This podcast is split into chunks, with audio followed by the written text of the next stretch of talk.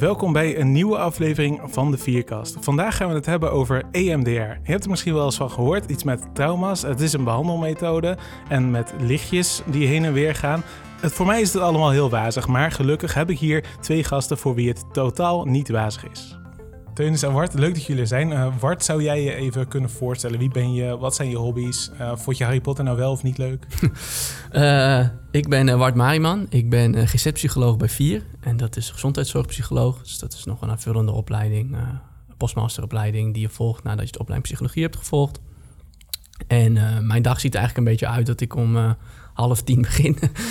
Privilege heb ik mezelf eigen gemaakt. En daarna door de dag heen zie ik eigenlijk cliënten voor behandeling, met name in het kader van traumatherapie. En uh, doe ik ook aardig wat intakes. Ik denk één en twee intakes per week, waarbij je dus veel meer traumaklachten uitvraagt. En hobby's van mij zijn voetballen, uh, wintersporten vind ik erg leuk. Af en toe ook wel zaalvoetballen als er een beetje tijd voor is. En Harry Potter vond ik leuk inderdaad. Ja. En ben je al lang behandelaar? Ik werk nu uh, zes jaar bij Vier en ik ben eigenlijk hier begonnen als baaspsycholoog. En uh, dus eigenlijk al die tijd behandelaar geweest. En als je wat verder komt en je weer wat meer opleidingen volgt, ga je op een gegeven moment wel wat meer doen. Zodat ik echt ook uh, traumatherapie geef. En dan in de vorm van EMDR is nu sinds een jaartje of vier, denk ik. Ja, want wat ik vaak um, zie, zijn dat mensen die in de hulpverlening komen, die hebben vaak zelf ook wel iets meegemaakt. Ik ga nu niet heel diep in jouw persoonlijke geschiedenis spoken, maar waar komt dat bij jou uh, vandaan dat jij behandelaar wilde worden hierin? Ja, eigenlijk gewoon best wel. Ja, ik ben misschien niet zo'n prototype van uh, die zelf iets naars heeft meegemaakt of die altijd een heel groot hart voor de zorg heeft gehad. Eigenlijk uh, is het ook toeval dat ik hier uiteindelijk bij vier terecht ben gekomen. Maar wat me aansprak in de opleiding psychologie was met name om menselijk gedrag te leren begrijpen en veel meer te begrijpen waarom iemand iets doet wat hij doet. Dus wat meer analytische daarin dan echt het, uh, het hulpverlener aan zich. En toen ben ik hier bij vier terecht gekomen via mijn stage. En het sprak me heel erg aan de doelgroep en uh, wat je hier kan en mag doen. Nou, ook de ontwikkelingsmogelijkheden die je hebt, die maakte eigenlijk dat ik uiteindelijk hier voor vier heb gekozen. Cool. Ja, nee, ik heb zelf ook een, een twee jaar psychologie gedaan. En, en uh, statistiek en de analytische kant vond ik heel interessant. Dat was ook eigenlijk het enige waar ik goed in was. Uh, dus toen ben ik gestopt. en ben ik communicatie gaan doen. Daarom zit ik nu hier. uh, Teunis, ik ken jou iets beter dan Bart. Want ik ken Bart nu vijf minuten. Maar kan jij jezelf ook even voorstellen voor de luisteraars? Ja, ik ben Teunis Laverman. Ik ben GZ-psycholoog, psychotherapeut. Ik ben nu anderhalf jaar bij Vier aan het werk.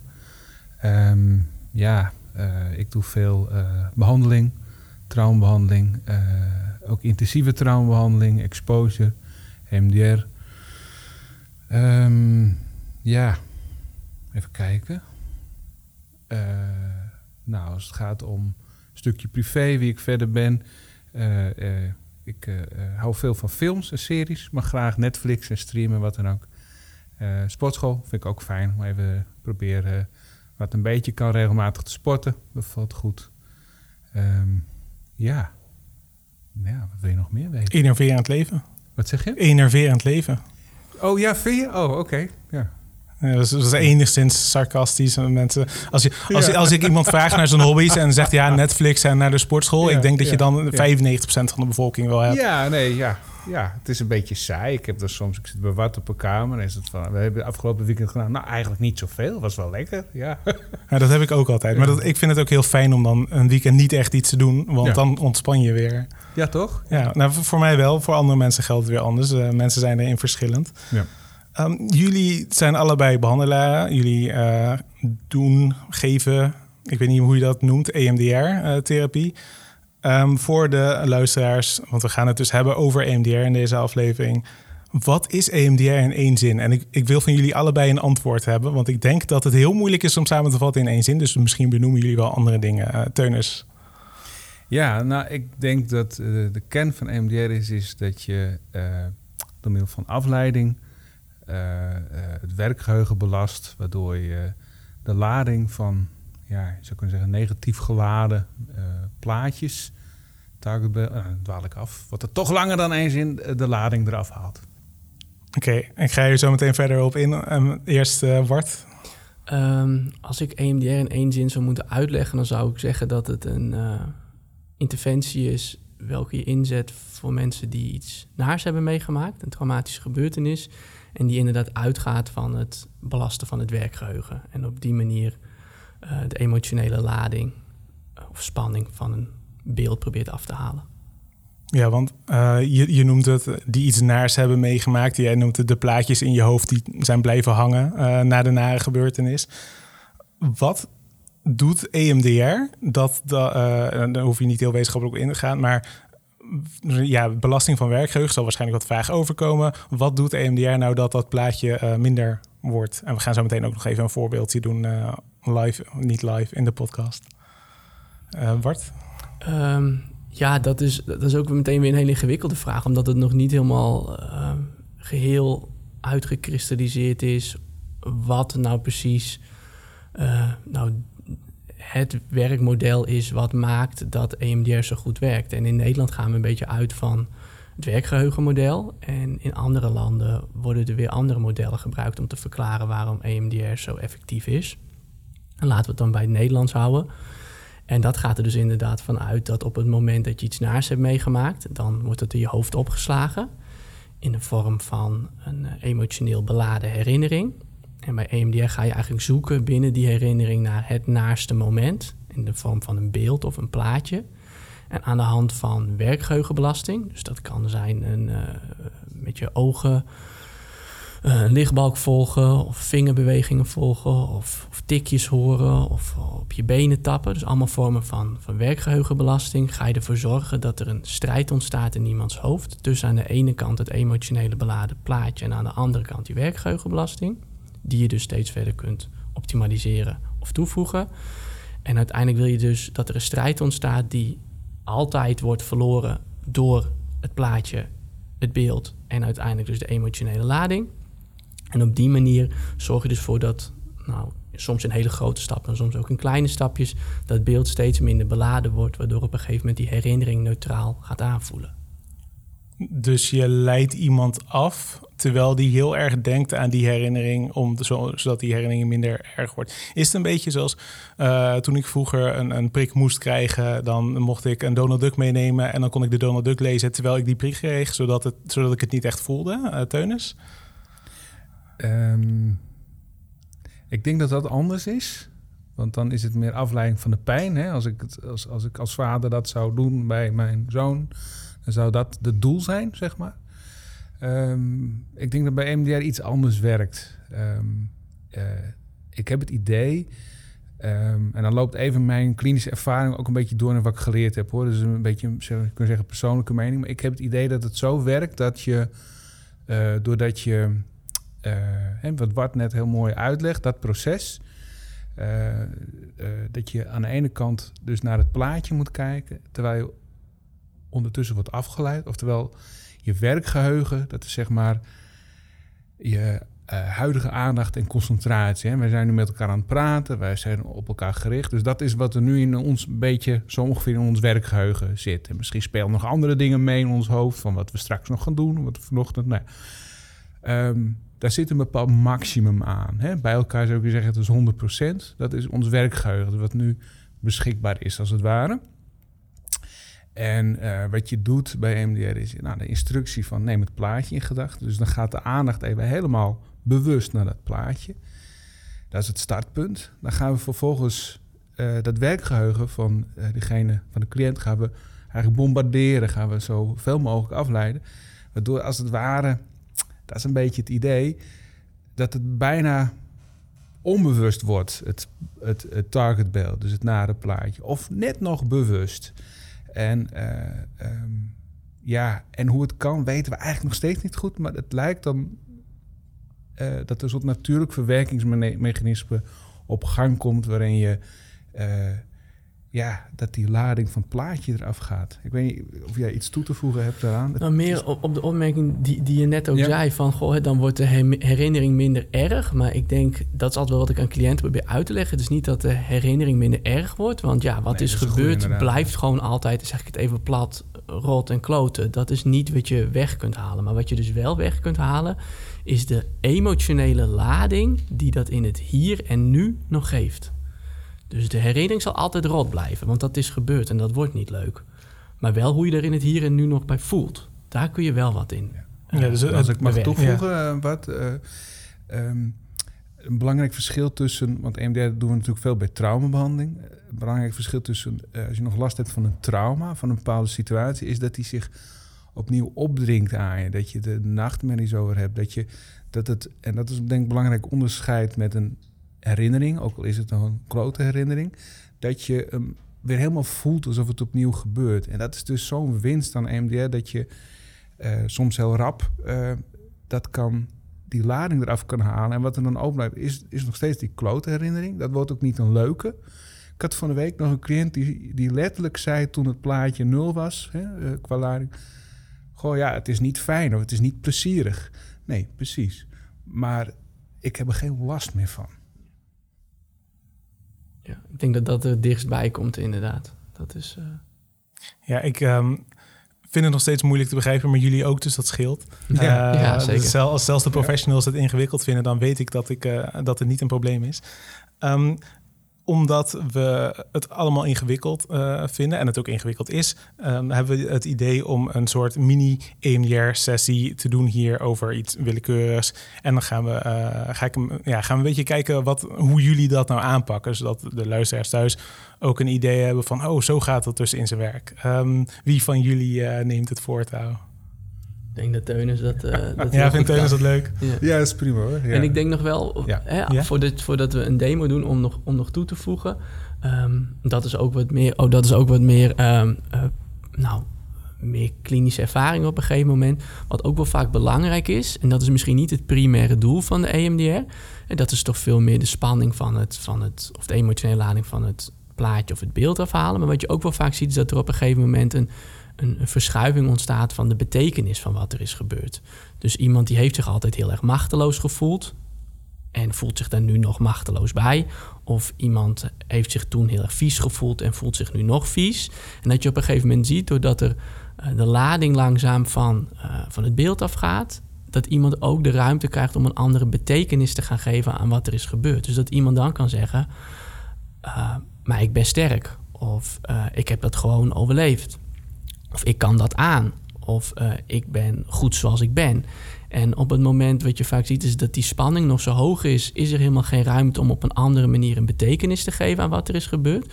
Maar doordat er dus meer ruimte ontstaat in je hoofd om er ook vanuit een, andere, vanuit een ander perspectief naar te kijken, zie je ook vaak dat er een betekenisverschuiving ontstaat.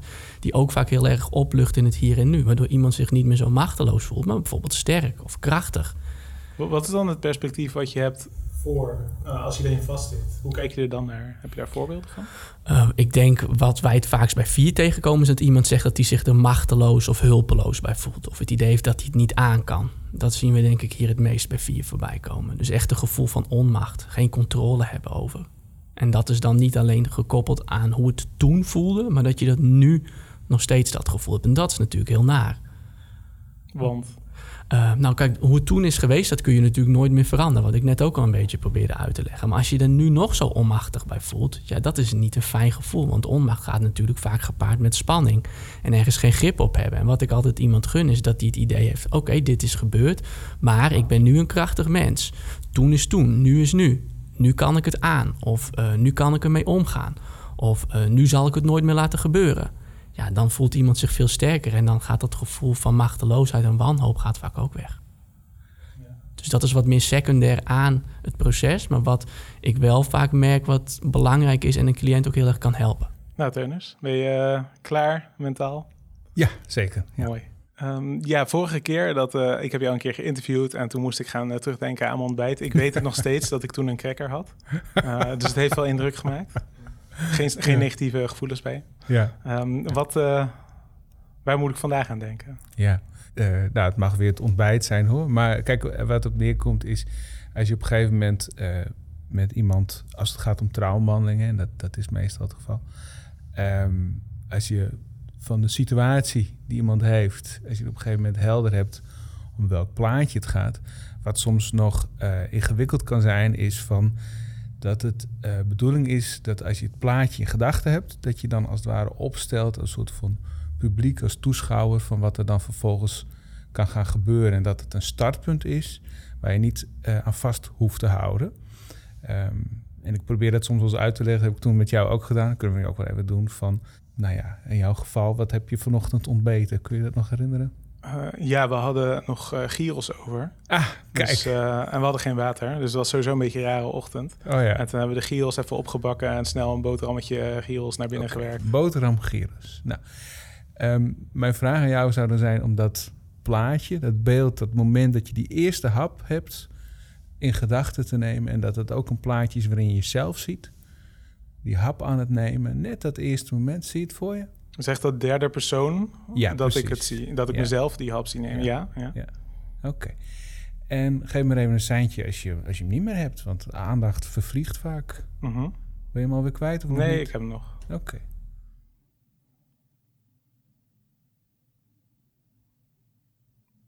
Ja, het is wel moeilijk om het dan vast te houden. Ja, nee, en dat is prima. En dat is ook wat er bij de EMDR gebeurt. En, want je was hem net weer even kwijt. Ja, want ik keek naar buiten en toen... Ja, prima. Maar dat is wat er gebeurt met aan. Dat is je werkgeheugen, hè? Dat is wat op dat moment gebeurt. Nou, en als wij dan eh EMDR zouden gaan doen, hè, dan zou ik bij jou ook checken van hoeveel lading. Er zit natuurlijk geen spanning op als jij, als jij een lekker broodje gyros eet. Maar stel, er, confronterend. maar stel er zou veel lading op zitten, hè, eh, dan ehm, zou je daarmee aan de slag kunnen. En dan, dan, dan zou ik jou telkens vragen van... Goh, maat Jan, pak dat plaatje er weer mee bij wat we net hebben afgesproken. En dan vraag ik jou telkens, hè, dat is een beetje het verloop van een EMDS-sessie... voor hoeveel spanning zit erop van 0 tot 10. Waarbij 0 is helemaal niet, geen spanning of neutraal.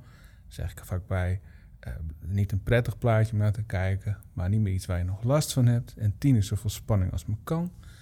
Nou, dan neem je het plaatje in gedachten en dan geef je daar een cijfer aan. En dan eh, ga ik jou vervolgens, zeg ik tegen jou van... nou, uh, neem dat plaatje in gedachten en volg wat erop komt. En dan ga ik jou vervolgens afleiden en dat kan met een, uh, dat kan, met een vingerbeweging, met een oogbeweging. Dat kan met een lichtbalk die als, voor de luisteraars die hem kennen... die als de, de Night Rider kit, dat lampje wat aan de voorkant zit, heen en weer gaat... Um, dat leidt af. Nou, dat, is, dat noemen we dan een setje. Dat is ongeveer 30 seconden. Nou, als dat dan voorbij is, dan zou ik weer opnieuw aan jou vragen... nou, Maarten, wat komt erop? Nou, en dan zeg jij bijvoorbeeld iets van wat er in je lijf gebeurt... of een gedachte die voorbij komt fietsen. Um, en dan zeg ik van, oké, okay, richt je daarop en volg wat erop komt. Want het idee is dat er een bepaald ja, geheugen-associatieketen opkomt in je brein... die gelinkt is aan die traumatische gebeurtenis... en die we eigenlijk helemaal doorakkeren. En als ik op een gegeven moment bij jou hoor dat je telkens herhaalt bepaalde dingen herhaalt, denk van oké, dan. Of als je zegt van geen bijzonderheden, geen nieuwe dingen meer, of we zijn vijf minuten verder, dan zeg ik oké, we gaan weer terug naar het plaatje van de gyros. Geef me even een seintje als je hem helemaal hebt. Van 0 tot 10, hoeveel lading zit erop? Ja, dat is even. Heb jij, kun jij een beetje nog aanvullen wat? Nee, ik denk dat het zo, uh, zo wel klopt, wat, wat, wat je zegt. En um, dan vraag je dus vaak wat komt erop of wat gaat er door je heen. Daar probeer ik nog wel eens wat in te variëren. Sommige mensen die, die nemen wat komt er bij je op bijvoorbeeld heel letterlijk. Of dan, hè, dan verander je de vraag ietsje. Wat gaat er om? Uh, wat, wat gebeurt er als het heel letterlijk nemen? Uh, nou, ik heb wel eens een keer iemand gehad die zei: Wat komt er bij je op? En uh, die, die nam dat zo letterlijk. En die zei: Ja, een borrel in mijn maag van het eten van vanmorgen. Oh, Oké, okay, ja, nee, dat is, uh, dat is ook relevant, maar niet zo relevant. Het moet wel, en dat is denk ik wat Teus ook een beetje bedoelt, het moet wel steeds gelinkt zijn aan de traumatische gebeurtenis. Dus die associatieketen of dat associatieproces. Uh, moet wel logischerwijs een beetje op elkaar volgen, zodat het gelinkt is aan de traumatische gebeurtenis. En je ziet wel eens dat mensen bewust dan wel onbewust toch bezig gaan met, uh, met vermijding. En dan opeens aan iets heel anders gaan denken. Of uit zichzelf zeggen: nee, er is helemaal niks meer. Of ja, ik voel wel wat, maar ik kan er eigenlijk helemaal niks over zeggen. Ja, dat wil je niet, want dan raakt iemand een beetje uit, uit dat verwerkingsproces. En dat is steeds wat je wil. Dat iemand in dat verwerkingsproces zit, iemand aandacht heeft op wat er in hem omgaat of wat er bij iemand opkomt. En dan steeds naar zo'n setje concentreer je daarop. En dan ga je dus door, nou, totdat wat Teunis net zei, er niks meer opkomt. Uh, herhaling ontstaat of dat vijf à tien minuten om zijn. Ja, dus zo'n associatieketen, want ik kan me voorstellen dat mensen daar niet gelijk een beeld bij hebben. Uh, zou dus kunnen zijn, uh, ik die mijn broodje eet, naar te dik zijn, ehm, naar schuldgevoel en dan ja, maar het kan ook zijn, en dat zou dan een andere kant opgaan, um, naar dat ik ga denken dat ik volgende week lekker uit eten ga met mijn ouders of zo. Maar dat is dus weer niet relevant, waarschijnlijk, of minder. Nou, als je, dat zou relevant kunnen zijn. Als het nog een beetje in datzelfde straatje is, dan laat ik hem vaak nog wel lopen. Maar als iemand echt iets heel anders zegt, bijvoorbeeld ja, dat ik morgen ga voetballen. Ja, dan denk je wel vaak, oké, dit is, dit is, makes not sense of zoiets, weet je. En dan, nou, als ik dat dan een aantal keer bemerk, dan ga ik gewoon vaak terug weer naar het plaatje. Dat heet back to target. Dus ga je weer terug naar het beginbeeld. En dan ga je van daaruit ga je weer kijken. Nou, wat in dat, wat in dat plaatje is nou nog zo naar nu voor je? Nou, uh, in jouw geval stel je voor dat broodje zou heel naar zijn. Ja, dat ik het schimmel erop zie zitten. Nou, concentreer maar op schimmel dan. Nou, en dan, oh ja, oh, dan komt er misschien juist een lichamelijke sensatie op. Een kramp in je maag of zoiets. Of uh, een gedachte van uh, ik eet ook altijd vies of ik, ik ben arm, ik verzin maar wat. Ja, en als dat logischerwijs allemaal een beetje in, in je trauma past, ja, dan volg je dat gewoon. Want dat is gekoppeld aan die associatieketen. Maar hoe, hoe komt het nou dat iemand die ketens kan maken en dat de, um, dat door dat te doen en door, je, uh, door die belasting, dat je dan op een gegeven moment denkt van, oh ja, ik ben sterk of zo. Wat, wat jij net noemde als een soort einddoel, right? dat je anders naar die uh, ervaring kan kijken. Ik vind het nog moeilijk om te bedenken hoe je dan van, van A naar B komt in dit geval. Ik neem aan dat het ook niet in één keer gebeurt. Tuurlijk, ja. Ik denk, ik denk dat, het, dat het eigenlijk twee stappen zijn. Die, je, uh, je kan, er zijn verschillende antwoorden mogelijk, hoor, maar zoals ik zie, twee, twee stappen. De eerste stap is eigenlijk dat je de lading eraf haalt en, dan, en dat is eigenlijk ook de R hè, van EMDR reprocessing. Eye movement, vroeger deed het alleen met oogbeweging, dat is dan de afleiding. Desensitization, dat is de D, oftewel de spanning eraf halen. En de R is zodat het weer op een nieuwe manier in je hoofd ligt opgeslagen. Stap 1 is eigenlijk de lading eraf halen. Nou, en als die eraf is, dan heb je ruimte om de R, hè, de stap 2, om er weer anders tegenaan te kijken. En soms gaat dat Kijk, als jij uh, eenmalig een trauma hebt, bijvoorbeeld één auto-ongeluk of één keer een pistool tegen je hoofd of wat dan ook, en je, uh, dan, dan kan EMDR heel vlot gaan. En dan, dan heb je soms niet eens een, een, een super lange behandeling nodig om. En dan kan het zo zijn dat als je de lading eraf haalt, dat mensen dan misschien zelf al bepaalde associaties hebben en komen met dat soort gedachten van: oh, het was niet mijn schuld, of ik ben sterk, of. Um, Ehm, maar wat we hier bij vier uh, natuurlijk ook regelmatig zien, is dat de lading eraf halen een eerste stap is. En het is een dankbare eerste stap hoor. Want nou, wat we toen eerder ook over hadden, ga er maar aan staan. Als je s'nachts herbelevingen hebt, continu angst. Dat is echt hartstikke rot en hartstikke vermoeiend. Dus je krijgt meer energie, je voelt je minder machteloos. Maar dat is een start dan voor sommigen. Het is een beetje zoals je je gewichten afdoen die je de hele dag bij je draagt. Ja, uh, nice. Mooie vergelijking. Ja.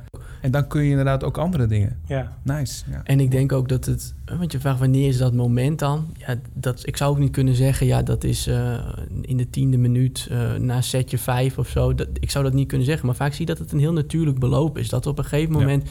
hoe vaak je dan back to target bent gegaan... en hoe meer iemand weer wat neutraler naar het beeld kan kijken, hoe meer ruimte er met name komt. En dat is het, het best passende woord bij mij.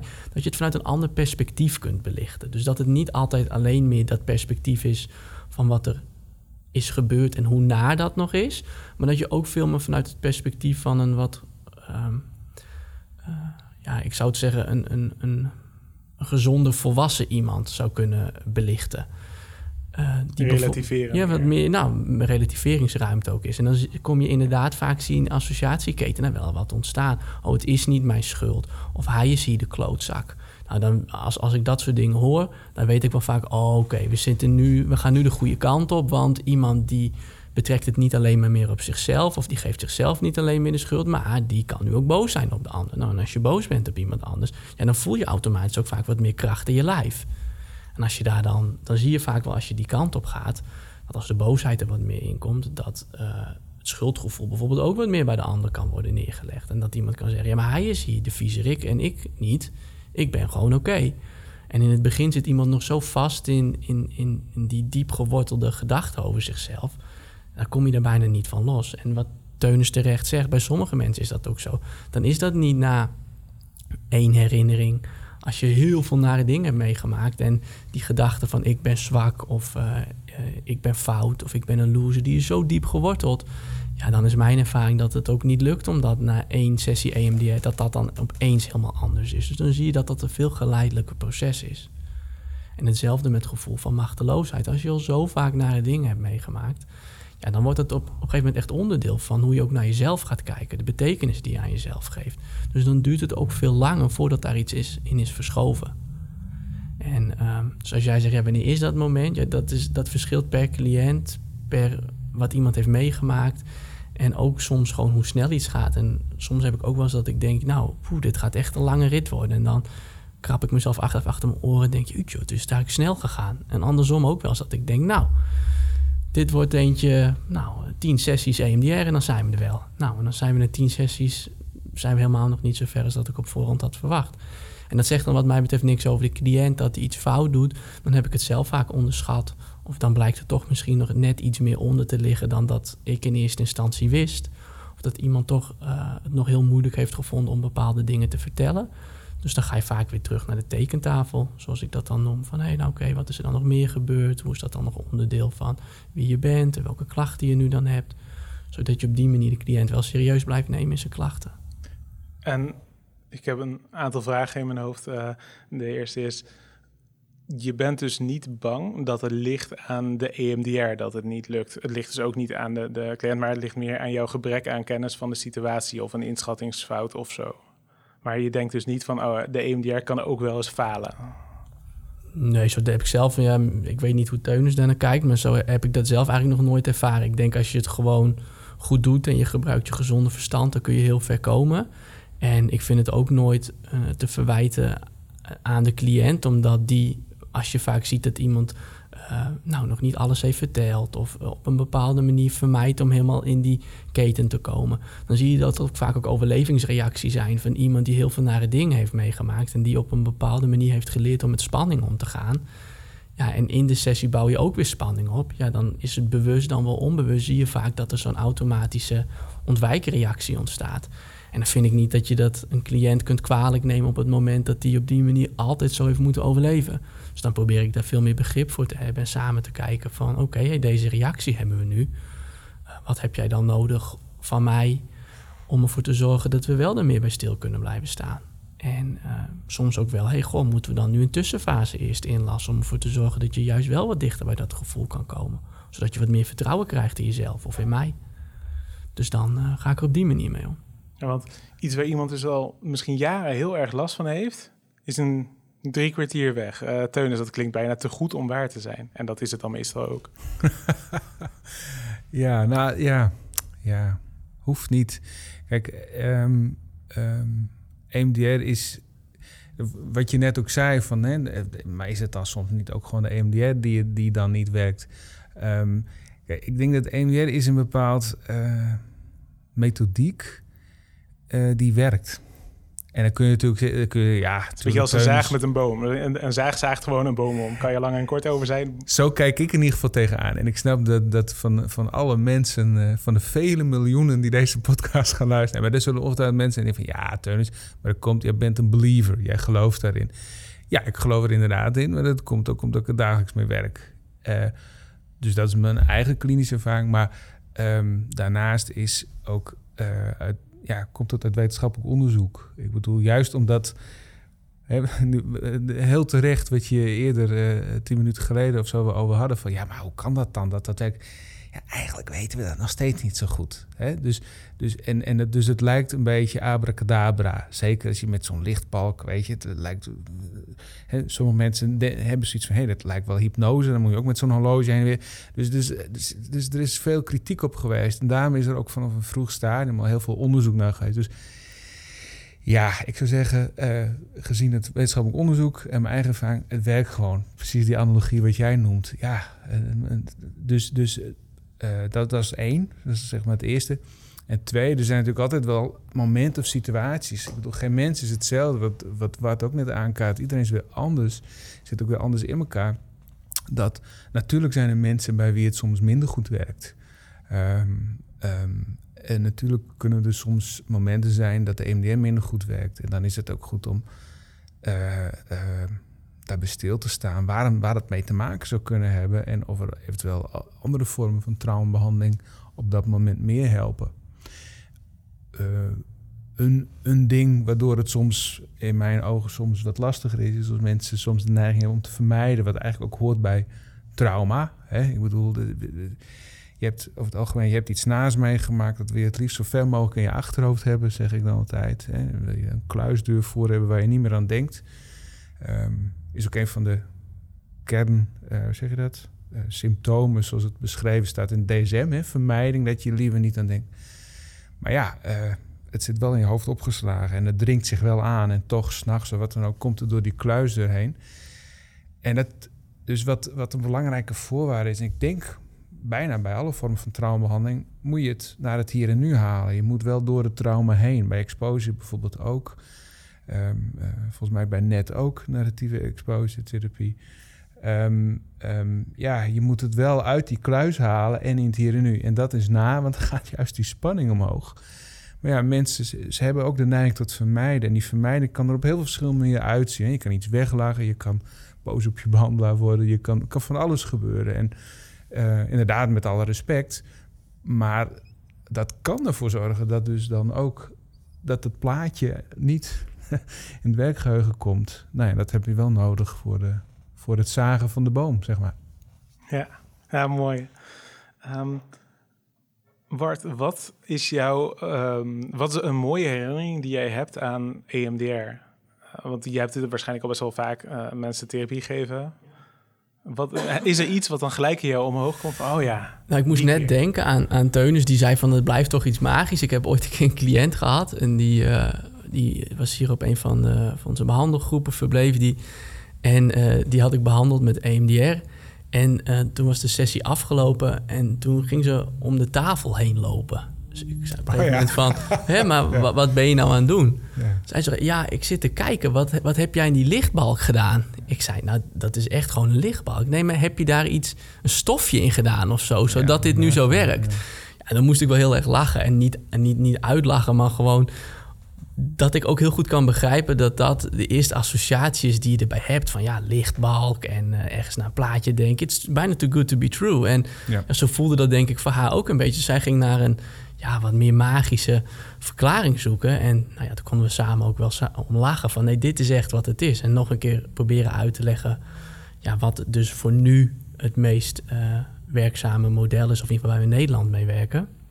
En andere mooie herinneringen zijn wel als je echt, uh, maar dan heb ik het meer over een geheel behandeld traject met traumatherapie, dat je iemand ziet binnenkomen en die leidt echt heel erg onder zijn uh, PTSS.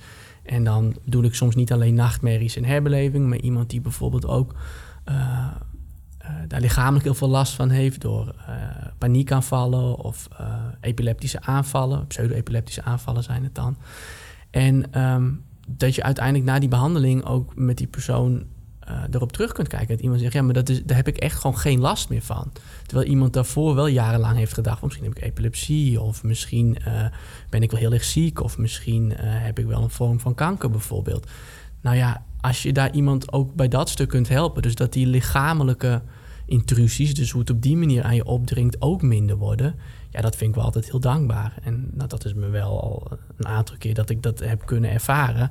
En daarmee denk je wel van oké, wat we doen helpt ook echt inderdaad. En dan is het soms ook even doorzetten. En dan is het soms ook dat je ergens in het traject denkt van... Oeh, nou, oh, dit wordt wel pittig. Maar dan weet je achteraf wel, oké, we hebben het hiervoor wel gedaan. En nou, daarvoor hebben we wel iedere keer weer volle 100% er tegenaan uh, geknald eigenlijk een beetje. Want dat is ook wel EMDR en traumatherapie, wat ik uh, altijd aan mijn cliënten uitleg. Het is niet een heel erg. Uh, en ik weet natuurlijk niet hoe Teunus daar helemaal naar kijkt, maar ik vind het niet per se een hele steunende therapie. Dus het is niet heel erg dat je temporiseert. Het is niet van, oh laten we het nu even stilzetten om te kijken wat er hier omgaat. Van nee, ik zeg ook altijd voorhand van mijn cliënten.